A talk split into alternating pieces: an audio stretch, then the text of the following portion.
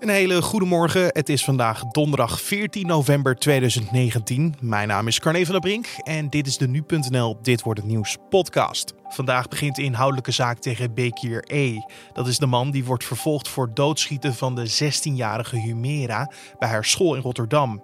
Bekir E. was de ex van het meisje en hij stalkte haar. De politie en het Openbaar Ministerie valt wel het een en ander te verwijten. Zij hebben zich heel erg gefocust op hoe kunnen we deze man uiteindelijk gaan vervolgen voor wat hij, uh, voor wat hij doet. In plaats van te kijken naar welke bescherming heeft dit meisje nodig die al heel lang wordt lastiggevallen door deze man. We gaan straks natuurlijk verder praten over deze zaak met rechtbankverslaggever Joris Peters. Maar eerst kijken we naar het belangrijkste nieuws van nu. De bosbranden in Australië hebben een vierde leven geëist. Dat laat de lokale politie donderdag weten. Dit na een weekend waarin de Australische autoriteiten melden dat zeker drie mensen waren overleden door de bosbranden. In de afgelopen week is ruim een miljoen hectare van gras en akkerland afgebrand door de natuurbranden. En in New South Wales alleen zijn ongeveer al 300 woningen verwoest. Autoriteiten verschoven midden deze week hun aandacht van New South Wales naar de noordoostelijke staat Queensland. In New South Wales werd het natuurgeweld enigszins verzacht door verkoeling van het weer, terwijl Queensland te maken krijgt met hogere temperaturen en nadelige winden. Opera-zanger Ernst Daniel Smit heeft gisteravond toegegeven dat hij lijdt aan de ziekte van Parkinson.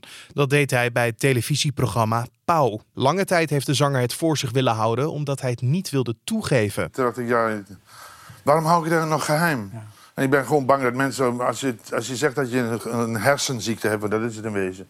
Dat mensen je afschrijven en denken, hij kan eens met gehandicapt nog even, dan hangt hij in een rolstoel. Ja. Maar zover is het nog niet, want ik kan heel goed leven met Parkinson. Al dus de 66-jarige zanger. Ongeveer zes weken geleden was Ernst Daniel Smit ook de gast bij Pauw om over de campagne Stoptober te praten. Na aanleiding van die uitzending kreeg Smit een boel negatieve reacties over zijn slechte verstaanbaarheid en opmerkingen dat hij wellicht dronken aan tafel zat. Nu is duidelijk dat dit kwam door de ziekte. Aanhangers van de recentelijk afgetreden Boliviaanse president Evo Morales zijn donderdag gebotst met de politie. Dit gebeurde nadat oppositielid Janina Anes zich woensdag uitriep tot interim-president. In de hoofdstad van Bolivia gooiden aanhangers van de afgetreden president met stenen en stookten ze brandjes, waar de politie op reageerde door traangas af te schieten op de menigtes. President Morales trad zondag af na wekenlange protesten tegen hem. Hij wordt beschuldigd van fraude nadat hij in oktober de verkiezingsoverwinning claimde, terwijl de stembussen vervoegd waren gesloten. Morales ontvluchtte het land naar Mexico, waar hij politiek asiel heeft gekregen. En de ex-president spreekt van een staatsgreep tegen hem. En de benoeming van Anes zou dat volgens hem bevestigen. En Israël heeft in de nacht van woensdag op donderdag opnieuw raketten afgeschoten op doelen in de Gazastrook. Door deze aanval zijn zes personen om het leven gekomen. Dinsdag laaide het geweld weer op in de regio, met als gevolg dat er nu 32 mensen om het leven gekomen zijn. Eerdere luchtaanvallen door het Israëlische leger waren gericht op doelen van de terroristische organisatie Palestijnse Islamitische Jihad. Het is onbekend of dat nu ook het geval is. Kort voor de nieuwe aanval had de terroristische organisatie een aanbod aan Israël gedaan voor een wapenstilstand. En hierbij stelde de organisatie dat als niet aan de voorwaarden voor deze wapenstilstand zou worden voldaan, de groep zou doorgaan met aanvallen op Israël. En dan gaan we over naar het gesprek van deze podcast, oftewel dit wordt het nieuws. In deze podcast gaan we het dus hebben over Bekir E, die vandaag voor de rechter verschijnt. Hij moet zich verantwoorden voor het doodschieten van de 16-jarige Humera bij haar school in Rotterdam. Dit gebeurde in de decembermaand van 2018. Wat er toen gebeurde en hoe de rechtszaak gaat verlopen, daarover praat nu.nl-collega Jan van Houten met onze rechtbankverslaggever Joris Peters. Joris neemt ons mee terug naar 18 december 2018. Wat gebeurde er in de fietsenstalling op die school in Rotterdam? Humera die stapte rond een haar school uit en liep daar door de straat. Um, waarop zij in één keer een auto zag stoppen. En daarin zat de Beekje E. Um, de voorgeschiedenis tussen deze twee, is dat uh, hij uh, haar behoorlijke tijd heeft lastiggevallen met sms'jes, heel veel bellen en haar ook heeft bedreigd. Uh, dus zij was al langere tijd doodbang en ook op dit moment. Dus zij vluchtte direct weg.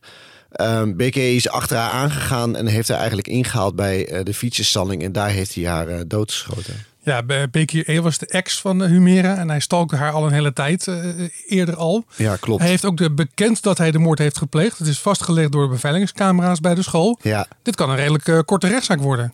Nou, misschien is het ook wel goed om even de nuance aan te brengen. Hij heeft bekend dat hij die heeft doodgeschoten. Uh, moord is weer iets anders. En moord is in dit geval voorbedachte raden. Dat zegt hij dat het iets anders lag. Dus hij had inderdaad wel een wapen mee in de auto, maar hij zegt niet dat hij het plan had om haar dood te schieten. Um, dus dat is wel een nuance die we even moeten aanbrengen. Maar ja, verder uh, kan het een korte zaak worden. Dat het, het, het, dat, het is ook maar twee dagen, hè? dus wat dat betreft. Maar er valt nog wel genoeg te verantwoorden, deze man. Ik bedoel, uh, er is hier zo'n lange voorgeschiedenis aan vooraf gegaan.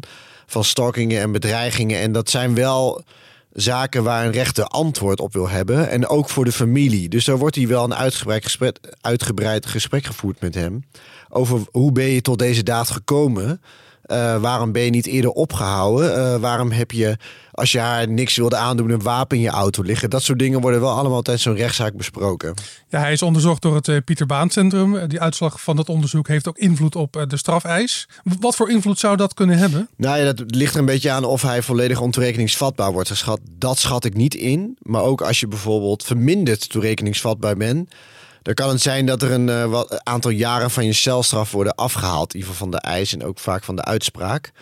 Um, en dan, dan zal hij dus TBS krijgen. Dus dan, dan moet hij behandeld worden omdat hij hè, niet meer onbehandeld uh, de samenleving terug in mag. Die kans schat ik vrij hoog in trouwens in dit geval. Ja, want er zijn uh, getuigen, er zijn opnames. Wat, wat, wat zou de rechtbank nog meer kunnen overwegen bij het tot stand komen van die eis? Nou, dat, dat is dus wel heel afhankelijk van het verhaal van deze man. Ik bedoel, hij heeft inderdaad wel gezegd dat hij er spijt van heeft. Uh, nou, hoe, hoe echt is deze, is deze berouw? Ik bedoel, uh, daar houdt een rechtbank zeker wel rekening mee. Wat is zijn bereidheid om, om, uh, om zich te laten behandelen? Ehm, dus zijn uitleg zal, zal zeker van, van groot belang zijn voor ook de, de uiteindelijke uitspraak. Ja, het, heeft geen onderdeel, het is geen onderdeel van deze zaak, maar heeft er wel mee te maken. In oktober publiceerde de inspectie uh, Justitie en Veiligheid een vernietigend rapport. Ja. Waaruit blijkt dat de aanpak van de stalking uh, van Humera ernstig tekortgeschoten is. Ja. Uh, wat waren de pijnpunten in dat onderzoek? Nou, ik zou willen zeggen, Jan, heb je even. Maar ehm, ik heb het rapport goed doorgenomen. En het is echt ja, je, ik kan wel gewoon, je kan zeggen, je valt van de ene verbazing in de andere. Maar kort samengevat komt het er gewoon op neer dat politie en het Openbaar Ministerie uh, niet de juiste risico-inschatting hebben gemaakt. Uh, zij hebben zich heel erg gefocust op hoe kunnen we deze man uiteindelijk gaan vervolgen voor wat hij, uh, voor wat hij doet. In plaats van te kijken naar welke bescherming heeft dit meisje nodig die al heel lang wordt lastiggevallen door deze man. En omdat ze daar niet hebben naar, hebben gekeken en omdat ze ook niet de juiste protocollen hebben gevolgd, uh, is het meisje eigenlijk nooit uh, goed beschermd. Terwijl dat juist in het geval van stalking heel erg belangrijk is. Nou, er zijn er ook uh, een aantal hulpinstanties bij betrokken geweest. En daar was ook de onderlinge communicatie was heel erg slecht. En ook hier was de risico-inschatting niet goed. Dus ze zagen het eigenlijk meer als een soort eergerelateerd geweld, een gewelddadige relatie. Uh, maar niet als stalking. En daarom is er gewoon uh, niet juist ingegrepen. Ja, burgemeester Abu Talib van Rotterdam die heeft dinsdag zijn excuses aangeboden in de gemeenteraad van Rotterdam. Ja. Uh, een mensenleven had gered kunnen worden als het systeem waar wij verantwoordelijk voor zijn andere beslissingen had genomen. Zo zei hij dat. Nou ja, bedoel, kun je nagaan, hè? sorry dat ik je onderbreek, maar kun je nagaan. Hij is niet de enige, hè? Grappenhuis zei dit ook. we hebben het hier over een leven van een, 17, van een 16-jarig meisje. Uh, en als we ons aan het systeem hadden gehouden, dan hadden we dit kunnen voorkomen. Ja, dat is zo enorm wrang. Um, dus weet je, dat, dat zal morgen ook wel ter sprake komen. Ik ga ervan uit dat het Openbaar Ministerie waarschijnlijk nogmaals een excuus aanbiedt. Het heeft niet zoveel te maken met de strafmaat en inhoudelijke zaken zelf. Maar het, het hangt hier echt als een enorme schaduw overheen, eh, vind ik persoonlijk. Wat denk je dat het uh, rapport uh, voor politieke en gevolgen heeft? En ook gevolgen bij politie en justitie? Gaan ze, lering, gaan ze lering trekken? Nou ja, ja wat je gewoon al, wat je vaak ziet hè, in dit soort gevallen is altijd zo van we moeten beter communiceren. er zijn ook wel, er worden wel aanpassingen doorgevoerd. En, de, en, en weet je wel, er is geen agent die dit wil, dat dit gebeurt. Um, maar het is niet de eerste keer. Ook in het rapport staat uh, over een eerder geval, ik geloof dat het in Waalwijk was, van ook een vrouw die meerdere malen aangaf dat zij werd lastiggevallen. Ehm, ook toen werd er veel te veel gekeken naar de vervolging in plaats van naar welke bescherming heeft deze persoon nodig. Ehm, dus laten we hopen dat dit soort vrede lessen, dat, dat dat helpt in de, in de toekomst en dat er nog scherper op wordt gelet. En dat, weet je, dit soort personen moeten gewoon een vast aanspreekpunt krijgen binnen de politie. En dan, die weet gewoon, oké, nu gebeurt er weer wat. Uh, dit en dat moeten we er tegen doen. En in het geval van Numera was... Er zijn in deze, bij deze zaak 50 politiemedewerkers betrokken geweest. Dus dan weet je gewoon dat dit soort problemen niet uh, goed naar voren komen. Je hoorde nu.nl-collega Jan van Houten in gesprek met rechtbankverslaggever Joris Peters. Dan kijken we nog even naar de nieuwsagenda voor vandaag. In de Verenigde Staten komen vandaag ministers van Buitenlandse Zaken van over de hele wereld bijeen om te vergaderen over de strijd tegen terrorisme. De VS wil bespreken wat de volgende stappen zijn nadat in oktober IS-leider Abu Bakr al-Baghdadi werd gedood. Ook Nederland is bij deze anti-IS-coalitie aangesloten. En Oranje onder 17 hoopt deze donderdag in Brazilië voor het eerst in de historie de finale van het WK te bereiken. De ploeg van bondscoach Peter van der Veen treft om half negen in de halve eindstrijd Mexico. In 2005 stond Oranje voor het eerst en het laatst in de halve eindstrijd van het jeugd WK. Toen werd juist nog verloren van Mexico. En dan nog even het weer. S'nachts klaart het weer vooral op in het noorden, waar ook enkele mistbanken kunnen ontstaan. Overdag houden de opklaringen in het noorden aan en kan de zon af en toe gaan schijnen. In het zuiden daarentegen is het veelal bewolkt en valt er af en toe een bui.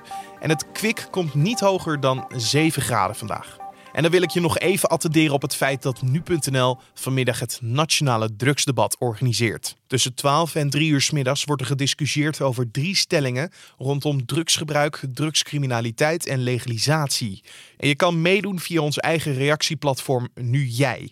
Ook brengen we eigen nieuws, zoals gisteren dat 12% van de Nederlandse drugsgebruikers drugs neemt om goed te kunnen functioneren. De meeste gebruikers, bijna drie kwart, nemen alleen recreatief drugs. Deze ochtend andere opmerkelijke cijfers, want nu.nl-redacteur Shannon Bakker heeft onderzoek gedaan onder 225 gemeenten om te kijken hoeveel panden er zijn gesloten vanwege drugs. Aan nu.nl-collega Jan van Houten vertelt ze hoeveel panden dat zijn. Ja, van de gemeenten die dus mee hebben gedaan aan ons onderzoek, uh, weten we dat ze zeker uh, eh, 1250 panden hebben gesloten. Uh, dus dat zijn er behoorlijk wat. En er hebben natuurlijk ook nog een aantal gemeenten niet meegedaan. Dus het daadwerkelijke aantal zal nog wat hoger liggen. Ja, wat voor vangsten zijn dat dan? Is dat een wietplantage op zolder? Is dat een berg cocaïne in de keuken? Heb je enig idee waar het om gaat? Om wat voor panden? Ja, nou, dat is uh, dus ook eigenlijk wel het lastige. Um, burgerme burgemeesters sluiten panden. Dus het is niet de politie of wat die dat doet, het is de burgemeester. En die mag dat volgens de, de wet waarmee ze dat doen, al doen vanaf een handelshoeveelheid drugs. En wat is nou handel, handelshoeveelheid drugs? Dat is het best wel snel al. Dat is 5 gram uh, softdrugs uh, of 5 wietplantjes of uh, meer dan 0,5 gram harddrugs. Um, dus dat kan van hele grote wietplantages gaan die worden gesloten tot eigenlijk een vrij kleine hoeveelheid uh, die iemand thuis heeft liggen en waarop ook een pand wordt gesloten. Maar hoe kan je nou een pand sluiten waar je in woont als je een wietplantage op, de, uh, op zolder hebt staan? Mag dat? Nou ja, daar is discussie over. Uh, in principe mag dat. Uh, iemand wordt eigenlijk heel vaak gaat het om huurwoningen en iemand wordt dan gewoon zijn woning uitgezet. Maar er zijn ook, uh, ik sprak onder andere een hoogleraar algemene rechtswetenschappen, die zei van eigenlijk is dat zo'n zware straf, terwijl eigenlijk de burgemeester helemaal niet mag straffen, dat dit iets is wat bij het strafrecht zou moeten liggen uh, en niet iets zou moeten zijn wat de burgemeester doet, die natuurlijk niet zo'n uitgeprijsd proces moet doorgaan als, als dat een rechter moet doen. Ja, de wet waar je het net over had, op basis waarvan een gemeente of een burgemeester een pand kan sluiten, dat is de, de wet Damocles. Ja. Uh, volgens experts wordt die wet ook te vaak gebruikt. Uh, waarom? Ze worden dus al vanaf een hele kleine hoeveelheid wordt best wel een hele ingrijpende maatregel uh, door burgemeesters opgelegd. Terwijl eigenlijk die wet was bedoeld om drugshandel vanuit panden te voorkomen. Terwijl nu drugshandel helemaal niet bewezen hoeft te zijn. Er hoeft alleen maar een bepaalde hoeveelheid drugs in een pand te liggen. dus het lijkt alsof het vaker wordt gebruikt dan in ieder geval de intentie van de wet uh, was. En daar hebben natuurlijk juristen wel eens uh, problemen mee. Er zijn in 2018 dus uh, ruim 1200 panden gesloten. Ja. Is dat een beetje eerlijk verdeeld over het land? Of zijn er bepaalde provincies die de boventoon voeren? Nou ja, zo, eigenlijk zoals je ook wel in het nieuws terug ziet, het zit hem vooral in de grote steden en in het zuiden van het land. In Noord-Brabant en Limburg wordt echt veel gesloten. En je ziet ook dat gemeenten vaak daar een vrij hard beleid hebben. Dat er niet eerst wordt gewaarschuwd, maar eigenlijk vrijwel direct wordt gesloten.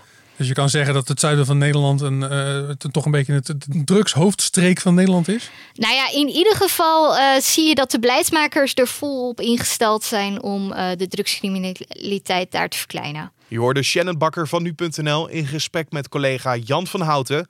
Het Nu.nl Nationale Drugsdebat begint om 12 uur. En houd de voorpagina in de gaten en discussieer dan mee op Nu Jij. En dit was dan de Dit Wordt Het Nieuws podcast voor deze donderdag 14 november. Je kan ons laten weten wat je van deze podcast vindt. Heel simpel gewoon door een mailtje te sturen naar podcast.nu.nl. Daarin zet je wat je van deze podcast vindt of wat je graag anders zou willen zien. Of misschien heb je wel een heel ander idee voor een onderwerp of een rubriekje waar we iets mee kunnen doen. Verder kan je ons helpen met een recensie in iTunes. En als je dan nog 5 sterren wil geven aan deze podcast, zouden we je eeuwig dankbaar zijn. Mijn naam is Carne van der Brink. Voor nu wens ik je een hele mooie dag. Morgenochtend zijn we er weer om 6 uur ochtends. En ik hoop dat je dan weer luistert. Dus tot dan.